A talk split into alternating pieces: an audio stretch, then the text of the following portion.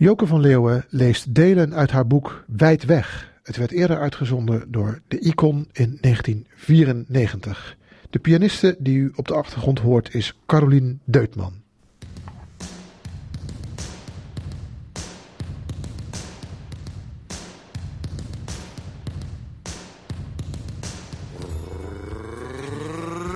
Randje toe!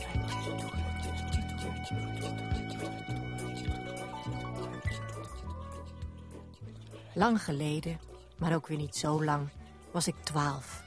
En ging ik, toen het zomer was, naar een zomerkamp. Daar waren allemaal meisjes. Sommigen hadden al bergjes. Anderen meer een Hollands landschapje, maar we waren allemaal twaalf. En daar werden we op een nacht zomaar uit onze slaapzak gehaald. We moesten naar buiten, we moesten het donkere bos in... en het donkere water op in een bootje. We moesten moeilijke opdrachten vervullen... en dat alles, zeiden de leidsters, was een inwijding. Toen die inwijding klaar was, kregen we warme chocolademelk en een geheim. Het was een geheim van niks eigenlijk... maar dat weet niemand zolang je je geheim geheim houdt. Als je dat kunt tenminste. Er zijn mensen aan wie je zo kunt zien dat ze een geheim hebben. Die hebben bijvoorbeeld zo'n zwaar geheim dat ze er altijd een beetje krom van lopen. Die mensen vinden het heel moeilijk om hun geheim te vertellen, maar ze willen het wel. Want als iemand anders het weet, kunnen ze samen krom lopen. Of juist een beetje rechterop. Je hebt ook mensen aan wie je kunt zien dat ze een geheim hebben, doordat ze extra rechtop lopen. Zo van, ik heb een geheim dat jij nooit zult hebben. Ik heb iets begrepen dat jij nooit zult begrijpen. Die mensen zeggen niks, maar je ziet het. Andere mensen zeggen wel wat. Die verklappen hun geheim en zeggen erbij dat het niet verder verteld mag worden. En dan vertelt iedereen het verder en zegt iedereen dat het niet verder verteld mag worden. Dus dan weet iedereen het en doet iedereen of niemand het weet. Na het zomerkamp kwam ik weer thuis. En, en, hoe was het, hoe was het? Vroeg mijn moeder. Och, zei ik. Kun je niet meer gewoon antwoorden? vroeg ze. Hm, zei ik. Wo. Maar vertel nou, zei ze. Zo herken ik je niet. Ik ben ingewijd, zei ik. En dat is een geheim. Oh, zei ze. Dacht dat ze dat alleen nog maar in de kerk deden. Ik ging naar mijn oma. Mijn oma had ook haar geheimen. Zo wist ze bijvoorbeeld hoe ze van twintig oude zakdoeken nog een jurkje voor me kon naaien. En daar liep ik dan in voor Pietsnot. Ik vertelde mijn oma dat ik een geheim had gekregen, midden in de nacht bij de warme chocolademelk. Oh, daar weet ik alles van, zei mijn oma. En daarna vroeg ze, kun je iets goed bewaren? Hoe bedoelt u, zei ik, dingen of een geheim? Ik bedoel jarenlang, zei ze en ze haalde een oude schoenendoos tevoorschijn. Toen ik erin keek, zag ik alleen maar waardeloze dingetjes. Een stukje touw, een kersenpit, een kiezelsteen, een losse lucifer, verdroogde dennennaalden, harde oude bonen, een oude bruine foto uit de tijd dat alle foto's bruin waren en het wel leek alsof de hele wereld toen de kleur van poep had. En toen begon mijn oma een verhaal te vertellen van lang geleden uit de tijd dat 30 kilometer per uur ongelooflijk snel was. Ze zei dat ik het aan niemand verder mocht vertellen. En als ik het toch verder zou vertellen, als ze dood was of zo... dat ik er dan bij moest zeggen dat het niet verder verteld mag worden. Dus je mag het niet verder vertellen. En als je het toch verder vertelt, moet je erbij vertellen dat het niet verder verteld mag worden. En als het dan toch verder vertellen, dat ze het er dan bij vertellen dat ze dat niet verder vertellen.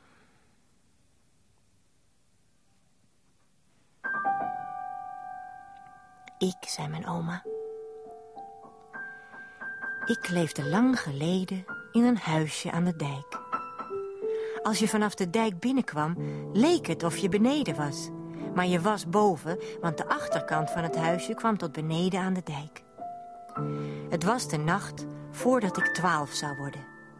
Ik was voorgoed van school gehaald, want zo ging dat in die tijd. De volgende dag zou ik bij rijke mensen gaan werken. Ik zou er de lepeltjes moeten poetsen en de meubels met een lapje moeten aaien...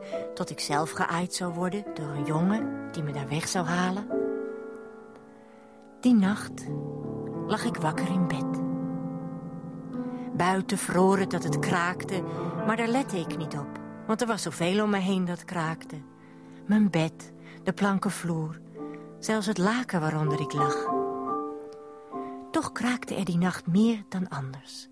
Ik hoorde de achterdeur. Iemand kwam door de achterdeur naar binnen. Dat het de achterdeur was, dat was niets bijzonders. Iedereen kwam in die tijd door de achterdeur naar binnen. De voordeur zat altijd op slot. Die zou alleen opengaan voor de koningin als ze zou komen. Maar ze kwam niet. Maar zo midden in de nacht kwam er nooit iemand binnen. Hadden mijn ouders de knip en de schuif en de grendel vergeten? Ik hoorde mijn moeders stem en de stem van een vreemde vrouw. Mijn moeder kwam een kamertje in. Het is zover, fluisterde ze. Hoe ver, dacht ik. Ik merkte dat mijn moeder een vermoeden had. Ze zei, snel, doe iets aan. Ik schoot mijn jurk aan, over mijn nachtpon heen. Ik trok mijn donkere kousen en zondagse schoenen aan. Hier, mijn vest, zei mijn moeder, het is zo koud buiten. Maar ik wilde niet. De mouwen waren te lang. Wel trok ik een warme jas aan, die op de groei was gekocht... en gemaakt van jeukend eerlijke stof. In de gang zag ik de vreemde vrouw staan. Eigenlijk zag ik haar niet echt, want ze droeg een gordijntje voor haar gezicht. Ik moest met haar mee, door de voordeur. Mijn moeder had die speciaal opengemaakt. Ze zei dat ik de volgende ochtend weer terug zou zijn... en dat ze dan pas echt afscheid van me zou nemen. En daarna gaf ze me alle goede raad die ze in huis had. Zul je nadenken bij wat je doet? En niet over de balkonrand hangen? En hou je tong niet tegen de brugleuning, dan vriest die vast. Op de dijk stond een hoge auto te wachten. Ik had nog nooit van mijn leven in een echte auto gezeten. Ik werd achterin gezet, naast een paar anderen die ik niet kende. De vrouw met het gordijntje fluisterde mij een geheim nummer in het oor dat ik moest onthouden. Ik had nog nooit de geheim nummer hoeven onthouden. En het was zo'n lang nummer. 8.354.749.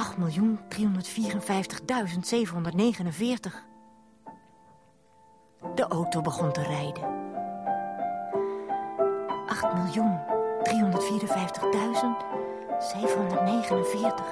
8 miljoen. 354.749.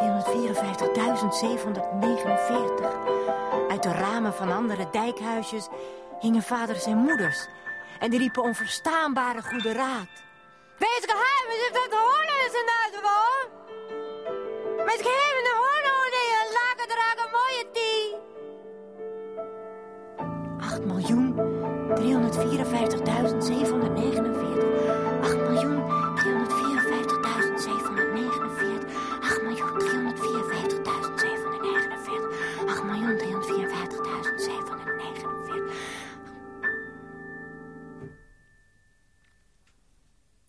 waren een brug overgereden. De brug over het diep. We waren donkere weilanden gepasseerd. We reden straten binnen, donkere straten... waar de huizen schouder aan schouder stonden. De auto stopte in zo'n straat. De vrouw met het gordijntje opende het portier aan mijn kant. Ze zei hardop mijn geheime nummer. 8.354.749.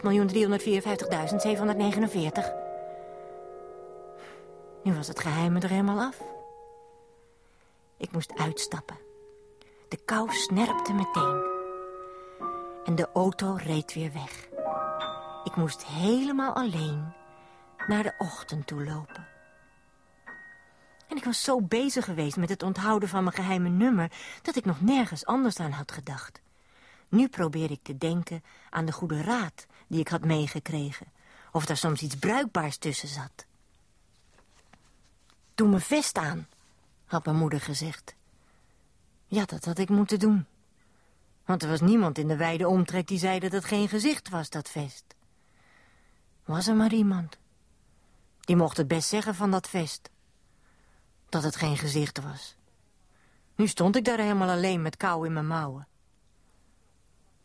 Niet over de balkonrand hangen. Nee, onbruikbaar. Er waren geen balkonranden in de straat. Zorg dat je tong niet vastvriest.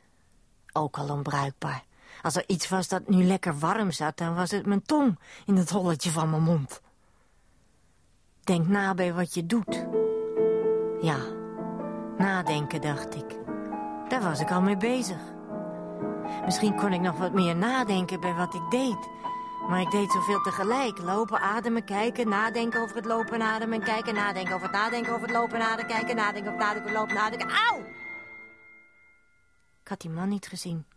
Die man had laten struikelen. Ik keek op en zag nog drie mannen, die over hun buik heen op me neerkeken. Ik denk dat ze gevallen is, zei de eerste. Denken jullie dat het van het denken komt, zei de tweede. Ze moet niet zoveel denken, wat denkt ze wel, zei de derde. Van denken krijg je dorst, zei de vierde. Ja, dorst, riepen ze allemaal tegelijk. Ze trokken me op mijn benen. Als je je eerste stempel wilt verdienen, moet je meekomen, zeiden ze. Ik liep achter de vier mannen aan. Zo hoefde ik even niet zelf na te denken. Ik zou een stempel krijgen. Dat was een teken dat ik in orde was. Ik kwam in een hoge zaal terecht. Misschien was het een café of een restaurant. Ik was nog nooit in een café geweest. Ik had geleerd dat cafés orden van verderf waren. En die woorden deden me altijd denken aan de geur van rotte appels. Maar zo rook het er helemaal niet. De zaal zag er prachtig uit. Overal stonden mooi bewerkte schotten, zodat het leek of er allemaal kleine kamertjes in waren gemaakt. De wanden links en rechts waren grote spiegels. Glimmend koperen engeltjes hielden brandende elektrische lampen vast... en dat zag je weer spiegeld aan de ene kant van de zaal... en die weerspiegeling werd weer weerspiegeld aan de andere kant van de zaal... en dat werd weer weerspiegeld aan de ene kant... en dat weer aan de andere kant... en dat weer aan de ene kant... en dat weer aan de andere kant... en dat weer... en dat... Het leek er wel de eeuwigheid... Ga maar zitten, zeiden de mannen. Ben jij nummer 8.354.749? Jij hebt je eerste stempel al verdiend. En ze drukte een stempel op de rug van mijn hand. Huh? Het was vast de bedoeling van deze nacht om zoveel mogelijk stempels te halen, zoals bij de Elfstedentocht. En zo moeilijk was het niet. Gewoon achter mensen aanlopen die mijn nummer kenden. Kijk wel uit, hè, zeiden de mannen. Het is niet watervast. Maar ik wist niet eens wat dat was, watervast. Ja, als, als het vroor, als het ijzer was, dan was het watervast. Ze lieten me alleen. Ze brachten me niets te eten of te drinken. Ze kwamen ook niet meer kijken of alles goed met me ging. Ik hoorde wel geroezemoes om me heen, maar ik bleef in mijn hokje zitten. Ik durfde niet op te staan. Ik probeerde wel een beetje de aandacht te trekken, zo, maar het hielp niet. Na een poosje kwam een van de mannen om een hoekje kijken. Maar hij deed net of hij me nog nooit had gezien. Hij vroeg of er naast me nog plaats was... en zonder op een antwoord te wachten plofte hij op de bank. Hij schoof helemaal naar de kant waar ik zat en drukte me bijna plat. En naast en tegenover hem kwamen de drie andere mannen zitten. Hé, hey, Putterik, ik, ik zit hier ook nog... Maar ze luisterden niet naar me. Ze hadden het veel te druk met roepen. Ze riepen zo hard mogelijk naar de barjevrouw en die kwam meteen aangelopen. Geef alles wat je te eten en te drinken hebt, riepen ze. Piepers en kantjes en school en schaar. Hoofdkaas, zult, bonen, oude klaren, kersenwijn. De barjevrouw dekte de tafel en bracht alles wat de mannen vroegen. Het rook heerlijk, maar ik kreeg niks. En mijn armen zaten klem. En ik hoorde de mannen schranzen en smakken. Ze werden steeds luidruchtiger. Hé, hey, alles is voor mij, ik zat hier het eerst, riep de eerste. Ja, dat had je gedacht, riep de tweede. Ja, je denkt toch niet dat hij denkt? Hij denkt niet, riep de derde. Palmon piepers, riep de vierde. Ze sproeiden de jenever over elkaars hoofd. Ze mikten naar elkaar met de hete aardappelen.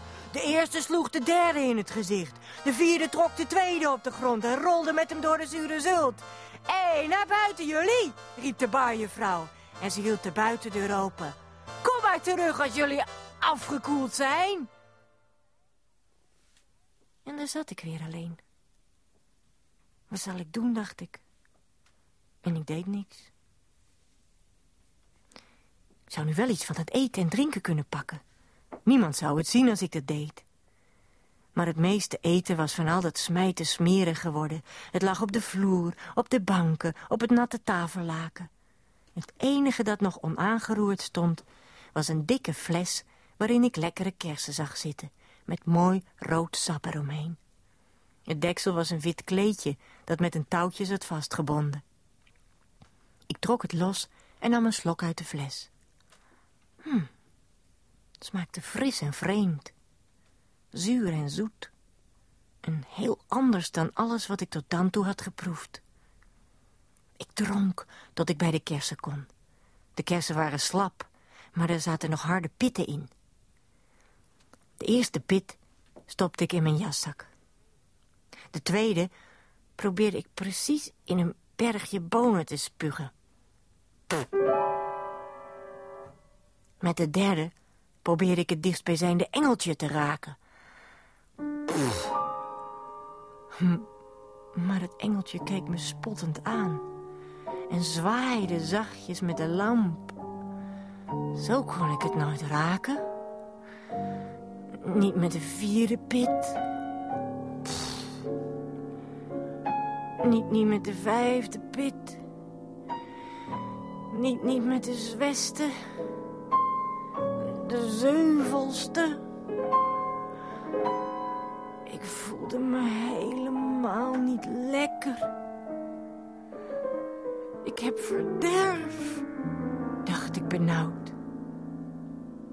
Ik rende de zaal door en vond een deur en achter die deur nog een deur en daarachter een prachtige wc. Veel mooier dan de plank met een gat erin achter ons huis. Maar ik had geen tijd om op dat mooie te letten. Ik moest een plas doen en overgeven tegelijk. Ik probeerde mijn plas op te houden terwijl ik overgaf, maar mijn onderbroek bleef toch niet helemaal droog. De vieze smaak in mijn mond probeerde ik weg te spoelen onder de kraan. Friste me een beetje op en ik zakte naar de grond.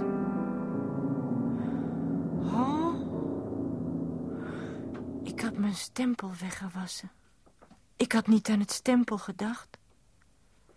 Maar mijn hoofd kon ook niet meer denken. Het kon alleen nog maar vreselijk draaien. Ik dacht dat het van mijn hals zou vallen. Ik dacht dat ik van de wereld viel. Op de nacht voor mijn twaalfde verjaardag werd ik van huis gehaald om een inwijding te ondergaan. Ik moest proeven doen, ik kreeg stempels. Op de wc van een deftig restaurant was ik misselijk geworden. Een uurtje later werd ik wakker doordat ik zo ongelukkig lag. Ik stond op, maar dat maakte me niet gelukkiger. Ik liep de wc uit, een donkere gang op. De deur naar de zaal met de engeltjes zat op slot. Misschien was iedereen weggegaan en hadden ze alle lichten uitgedaan en alle deuren op slot en waren ze me vergeten. Dan zat ik daar voorgoed helemaal alleen en eenzaam en zonder stempel. Maar ik vond nog een deur die niet op slot zat. De zaal daarachter was al even donker. Gelukkig zag ik in de verte een dun streepje licht. Zou dat een keertje buitenwereld zijn? Als ik de wand zou volgen, tot twee hoeken verder... kwam ik misschien weer in de straat uit waar ik was gestruikeld. En misschien zou de auto er weer zijn om me naar huis te brengen... waar mijn moeder nog steeds vol moedergevoel in de voordeur zou staan. Mijn handen schoven over de wand om me de weg te wijzen. Maar opeens hoorde ik... Wil je nu al gaan? Ik dacht dat ik alleen en eenzaam was, maar ik was met iemand anders en eenzaam. Heb je geen eten en drinken voor me meegenomen? Heb je alles in je eentje opgegeten? vroeg de stem verwijtend. Ik heb alleen wat gedronken. En daar ben ik een beetje ziek van geworden. En nu? Gaat het weer? Ja, het gaat wel. Met jou gaat het wel, maar met mij niet. Ik kan haast niets meer bewegen. Jij wel. Waarom beweeg je niet als je bewegen kunt? Daar was ik mee bezig, maar toen ik u hoorde ben ik daar vanzelf van gaan stilstaan. Blijf dan maar staan. Je kunt toch geen stap verzetten of je trapt wel ergens op. Ik trap nooit ergens op. Jij doet het wel. Je hebt geen idee hoeveel insecten jij doodtrapt als je door het gras loopt. Loop je wel eens door het gras? Ja, natuurlijk. Zie je wel. Vreselijk. Wat een slagveld. Ik was bijna bij de lichtstreep aangekomen. Ik hoopte maar dat er echt een deur was die open kon. Je wil weg, hè? zei de stem. Ja, want het is hier zo donker. Ja, dat snap ik wel, dat je weg wilt. Zou ik ook wel willen. Als je was gebleven, had je een nieuw stempel gekregen. Een van de mooiste stempels die er bestaan. Maar ja, je wilt meteen weg, dan kan ik me de moeite besparen. Als ik nog even blijf, krijg ik dan het mooiste stempel dat er bestaat? Nee, nu niet meer. Nu is het te laat. Had je maar eerder moeten bedenken. Ja, maar dat kon ik toch niet weten? Jij denkt toch niet dat je alles van tevoren moet weten? Ga maar weg, hoor. Ik sta niet in voor de gevolgen. Terwijl ik de deur naar buiten opendeed, keek ik nog even achterom, met het licht mee dat naar binnen viel. Ik probeerde het gezicht te ontdekken dat bij die boze stem hoorde. Daardoor lette ik niet op het afstapje en viel ik wel een meter naar beneden. Mijn moeder had me voor zoveel dingen gewaarschuwd. Maar de afstapjes was ze vergeten. Ik lag lang uit in een deftig park. De dennenbomen stonden in rechte rijtjes en dat doen ze niet uit zichzelf. Ik lag op harde kiezelstenen, maar ze waren wel mooi rond, alsof ooit de zee ze had geslepen.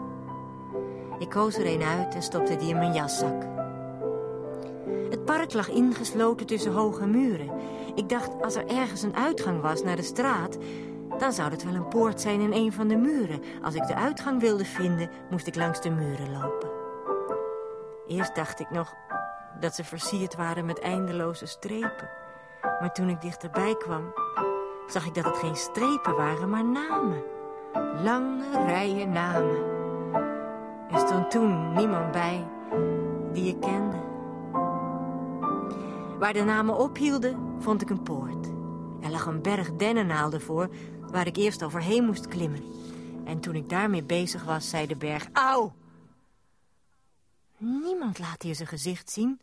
Ik weet heus wel dat u iemand bent die zich verstopt heeft. Heeft u een stempel voor mij? Ik weet van geen stempels, zei de berg. Oh, nou, dan kan ik net zo goed doorlopen. Dus u zoekt mij niet. Ik wist niet eens dat u daar zat. Dan zat ik goed verstopt. Ik wilde doorlopen, maar er schoot mij opeens goede raad te binnen. Als u niet uitkijkt, vriest u vast, zei ik. Ja, dat is waar. Maar ik weet niet meer wie je mis. Het is ook al zo lang geleden. Wat is lang geleden? Dat we verstoppertje gingen doen.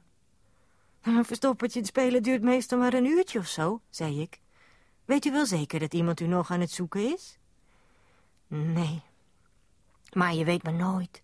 En ik wil geen spelbreker zijn, dat mag niet, dat kan ik niet. Ja, maar u gaat wel bevriezen. Dat is waar. Maar er zit niets anders op. Weet u wat, zei ik, om hem te helpen. Als ik iemand ergens in de buurt zoekerig zie doen... zal ik zeggen dat u hier zit. Nee, ben je gek geworden, dat doe je niet. Een lange arm schoot uit de berg tevoorschijn... en ik voelde een hand om mijn linker enkel knellen. Dat is vals. Heb het lef niet, kleine verraadster. Oh, nou ja, ik dacht alleen maar. Dan zal ik wel niet zeggen. Ja, daar kan ik nu niet meer van op aan. Dat is ja zeggen en nee doen, zo zijn ze allemaal. U moet mij loslaten, zei ik. U moet het zelf maar weten als u hier wilt blijven zitten. Maar ik wil verder, want ik moet stempels halen. Nee, je mag niet verder. Daar komen maar ongelukken van. Dan ga ik roepen, hoor. Dan verraad ik waar u zit. Jij bent slecht en verdorven, zo jong als je bent. Help! Help! Help! Meteen kwam er een jongen door de poort. De hand om een enkel liet los en verdween tussen de dennennaalden. De pijn bleef nog een poosje. Ik keek de jongen dankbaar aan. Hij moest wel een jaar of vier ouder zijn dan ik. Ik vroeg of hij daar al de hele tijd had gestaan en dat had hij. Hij stond te wachten tot ik kwam, want hij had stempels. En die wilde ik toch? Hij draaide zich om en liep de straat over. Ik volgde hem. Ik volgde hem wel vier straten door, zonder dat hij achterom keek. Ik volgde hem een weiland in, tot bij een lage krotwoning... die gemaakt was van oude deuren, zodat je niet direct zag waar de ingang was. Ik heb je gered, zei de jongen. Dat schept verplichtingen. Krijg ik nu mijn stempel, vroeg ik. En ik stak hem een hand toe. Nee, op je buik, zei hij. Mijn buik, dat is te ver weg, zei ik. Op mijn hand kan ook. Dan geen stempel, zei de jongen. Je vergeet dat ik je gered heb. Ik moet een stempel. Op je buik of helemaal niet. Nou goed, als het moet, dan moet het maar. Anders krijg ik nooit een stempel en dan win ik niks. Langzaam knoopte ik mijn jas los.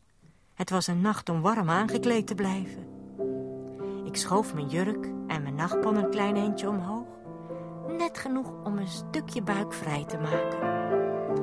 Snel! En ik voelde een stempel tegen mijn buik gedrukt worden. Een warme, natte stempel. Hmm, zei ik. Ik wil er nog een paar. En ik voelde nog twee stempels.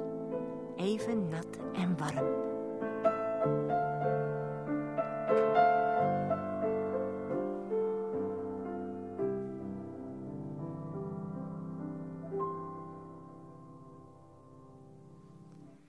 Binnen in het huisje hoorde ik twee ruziestemmen. Dat zijn mijn ouders, zei de jongen. Ze maken altijd ruzie en jij moet daar een eind aan maken. Moet dat echt? Maar daar gaf de jongen geen antwoord op. Ik stapte voorzichtig naar binnen, door de enige deur die open kon. Ik zag een kamertje dat nog eenvoudiger was ingericht dan bij mij thuis. Goeie... heel vroege morgen, zei ik tegen de ouders van de jongen. Maar die letten niet op mij. Ze zaten onophoudelijk tegen elkaar te schreeuwen. De man riep dat de vrouw haar haren te strak had vastgebonden... en dat haar hersens daardoor niet goed meer werkten. En de vrouw schreeuwde dat de hersens van haar man helemaal vastgevroren zaten onder zijn kale kop. En de man schreeuwde dat zijn vrouw een veel te strak korset aan had... waardoor haar kont in haar hersens geperst zat. En de vrouw gilde dat de man niet eens een kont had. En ook geen hersens. Ik sloop weer naar buiten. Ik vind dit niet zo prettig, zei ik. Wat heb je gezegd? vroeg de jongen. Ik heb maar helemaal niets gezegd. Heb je niet gevraagd waarom ze ruzie maakten? Waarom dan? Nu vraag je het. Ja, hoe kan ik het dan vragen, als ze zo door elkaar roepen? Je hebt me niet eens antwoord gegeven. Ik geef alleen antwoord als je een eind aan de ruzie maakt. Ja, maar wat moet ik dan doen? Je moet de boel in brand steken. Dan rennen ze wel weg. Dan houden ze wel op. Dan ben ik van ze af. En hij gaf mij een doosje lucifers. Nee, daar doe ik niet aan mee. Ik heb jou ook geholpen, zei de jongen. In brand steken mag niet. Ik heb je gered. Ik heb je gegeven wat je wilde hebben. Ja, maar ik jou ook. Ik heb in mijn blote buik in de kou gestaan voor jou. Je wilde het zelf. Je vroeg er daarna zelf om. Oh, als dat zo moet, dan ga ik net zo lief weer naar binnen. Hier is het koud met ruzie en daar is het warm met ruzie. En ik zal ze zeggen dat je alles in brand wil steken. Ik rende naar binnen en trok de enige deur die open kon zo hard achter me dicht dat een windvlaag de petroleumlamp deed zwiepen. En doordat de vader van de jongen net overeind kwam, zwiepte de lamp tegen zijn hoofd en het hoofd schoot van schrik omhoog en duwde het hengsel los, waardoor de lamp naar beneden viel. En het glas van de lamp brak op de harde, droge vloer, die meteen vlam vatte en het vuur vond alle deuren en frat eraan alsof het naar buiten wou. En buiten renden de ouders het weiland over, tot ze uit het zicht verdwenen waren om nooit meer terug te keren. De jongen bleef zo dicht mogelijk bij het vuur staan en zei... Wat was de vraag ook alweer? En ik, ik rende weg in een andere richting dan de ouders. Het was de schuld van de lamp, dacht ik. Het was de schuld van de vloer die te hard was voor de lamp. Het was de schuld van het hoofd dat omhoog kwam. Het was de schuld van de wind die te veel had gewaaid. Van het huisje dat niet had mogen bestaan. Het was de schuld van de gedachten van de jongen die zoveel kouder waren geweest als zijn stempels. Ik rende en rende en ik wist niet meer of mijn benen echt bewogen... of dat ik alleen maar dacht dat mijn benen bewogen. Ik wist niet meer of mijn gedachten nog wel van mezelf waren... Het leek of er iemand anders in mijn hersens was gekropen... die mijn gedachten had afgepakt.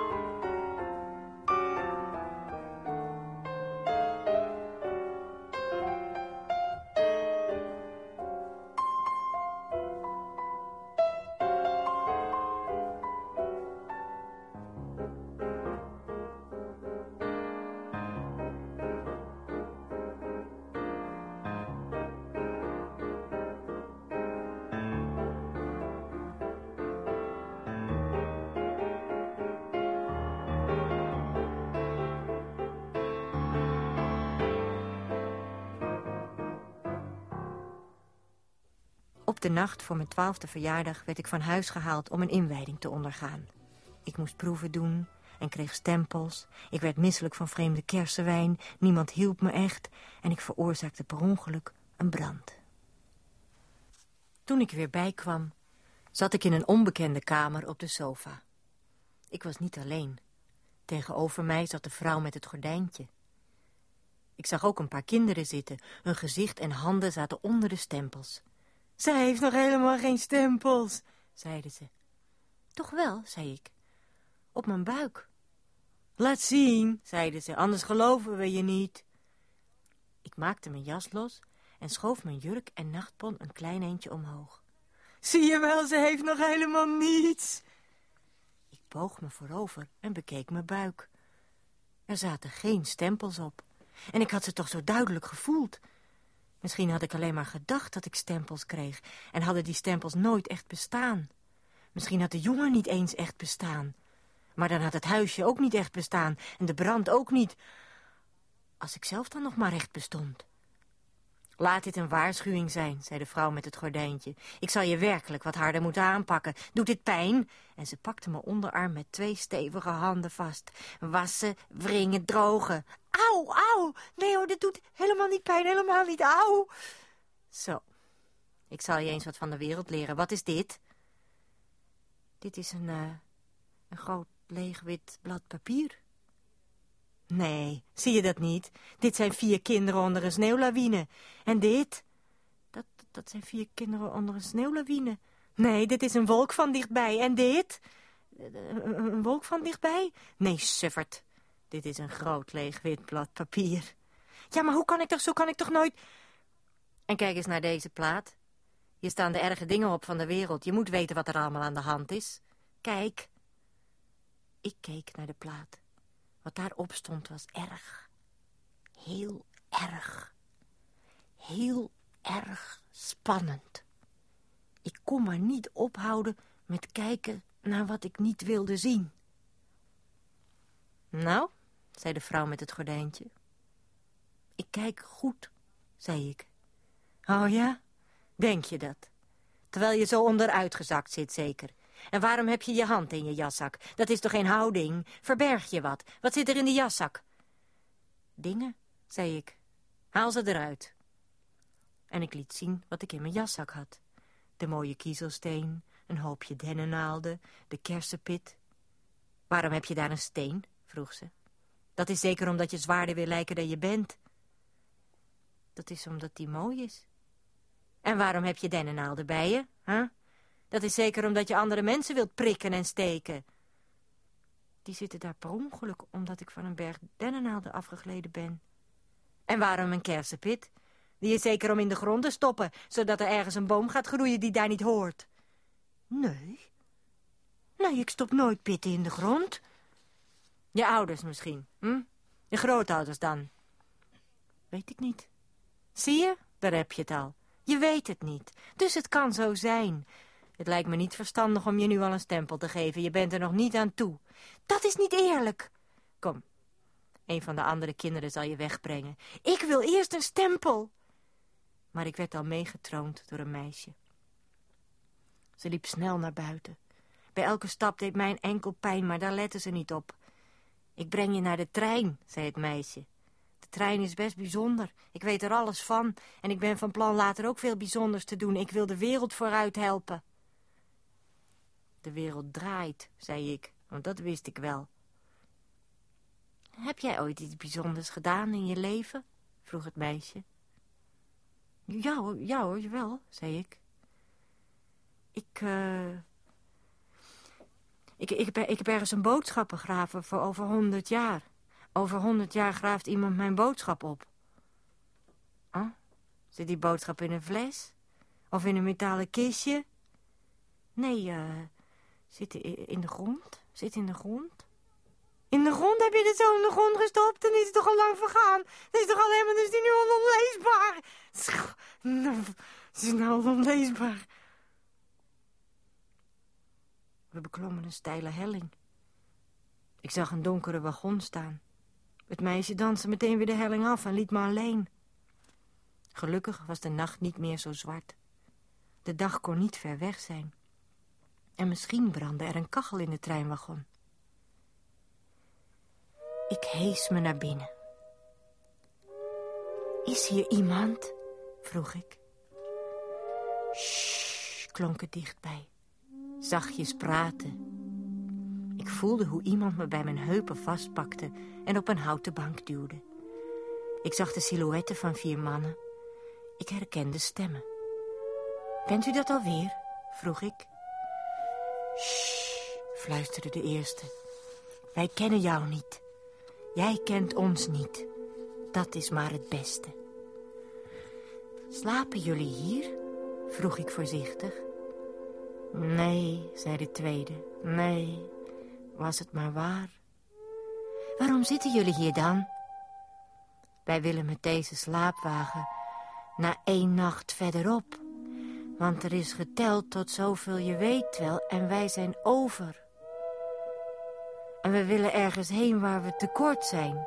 We willen tekort zijn en niet over. Maar nu zitten we in deze slaapwagen en we kunnen niet slapen. Straks komt de controleur. En als je niet slaapt in de slaapwagen, word je eruit gehaald. Dan zetten ze je in een waakwagen. Daar moet je rechtop staan. Daar is hard licht en heel veel lawaai. En we zijn zo moe. Oh, maar als dit een slaapwagen is, wil ik hier niet blijven. Ik, ik wil niet slapen, ik wil weer naar huis. Naar huis. Dat is een ommelandse reis. Ja, thuis, thuis weet ik tenminste waar ik ben.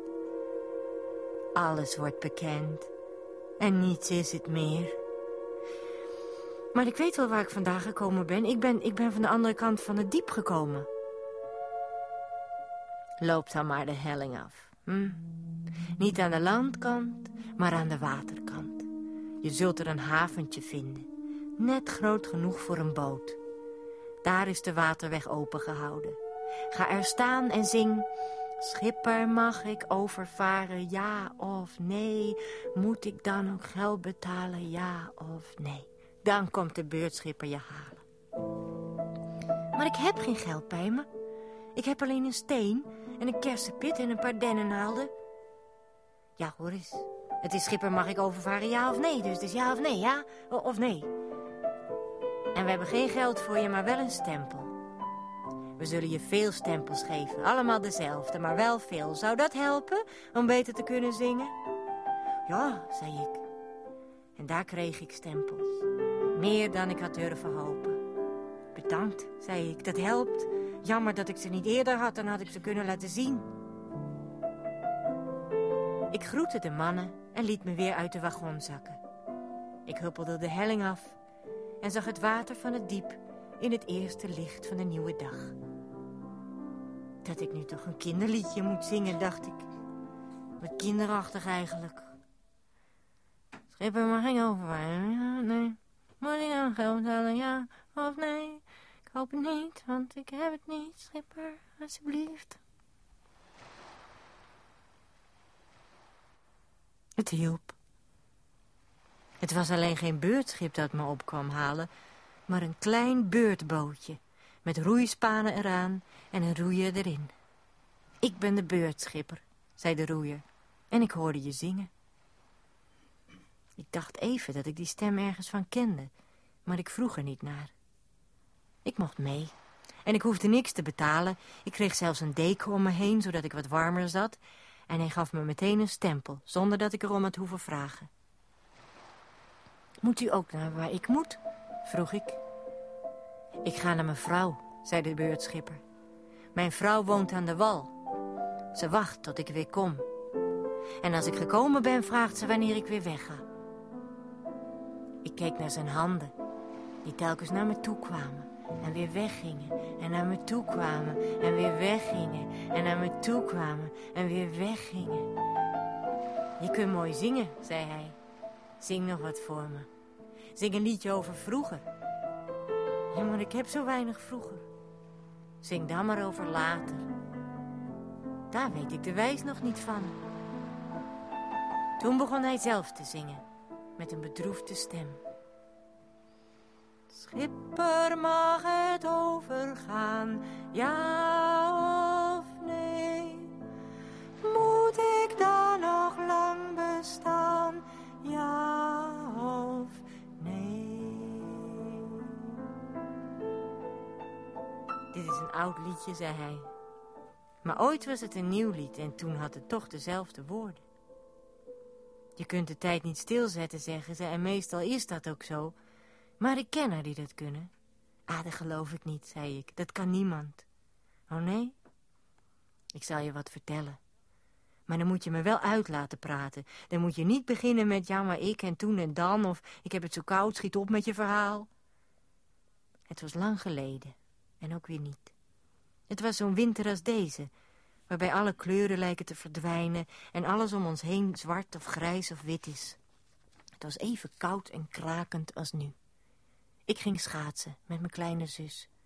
We hadden allebei mooie schaatsen, echte doorlopers die van ver kwamen... en we bonden de schaatsenbanden om onze sokken, dan stond je stevig. En ik kon heel hard. Je moet weten, ik had in de verste verte nog geen auto of trein gezien. Daardoor dacht ik toen, een mens kan zich niet sneller voortbewegen dan op doorlopers. Er was dus vrieskou nodig en snijdende wind om hard te gaan.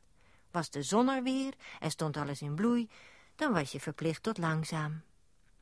Mijn zusje kon nog niet goed schaatsen. Ze waggelde maar wat achter een keukenstoel. En telkens moest ik haar banden steviger vastbinden, want ze gaf het niet op. Ik werd ongeduldig en ik ben een eind weggeschaatst, zomaar, met de bedoeling terug te komen.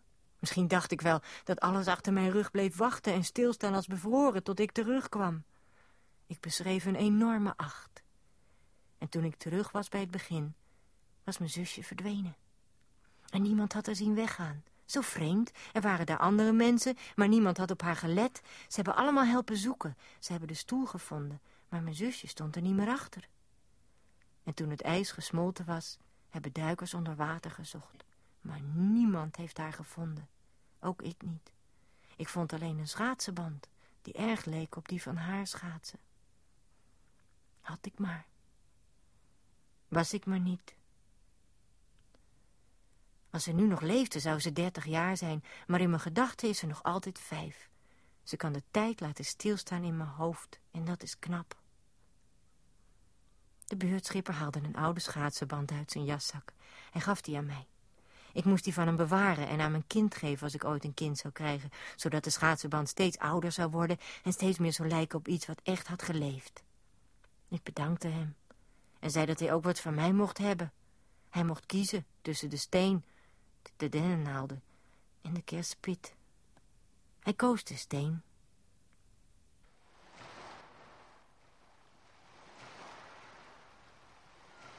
Hij roeide verder nu, alsof hij opeens haast had. Aan de overkant trok hij zijn bootje tegen een lange, smalle aanlegstijger. Stap maar uit, zei hij, en hou je maar goed vast aan de schaatsenband. Voorzichtig verschoof ik mijn voeten over de gladde plank. Wat was de wal ver weg. In het ochtendlicht zag ik er schimmen van mensen staan. Leken dat niet die vier mannen? Leek dat niet die vrouw met het gordijntje? Als ik maar niet in het water viel, want dan zou ik al mijn stempels verliezen. Halverwege keek ik achterom. De buurtschipper was ver weg. Hij leek wel kleiner geworden. Hij leek wel jonger geworden. Hij, hij leek wel een jongetje water was krimpend koud. Het beet me. Het spoelde al mijn stempels weg.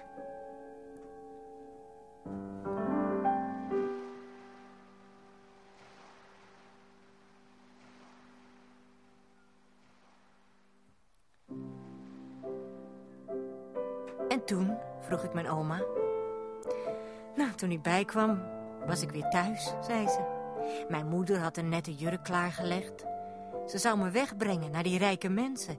bij wie ik lepeltjes moest gaan poetsen en meubels aaien... tot ik zelf geaaid zou worden door een jongen die me daar weghaalde. En, en, en, hoe was het, hoe was het? vroeg ze.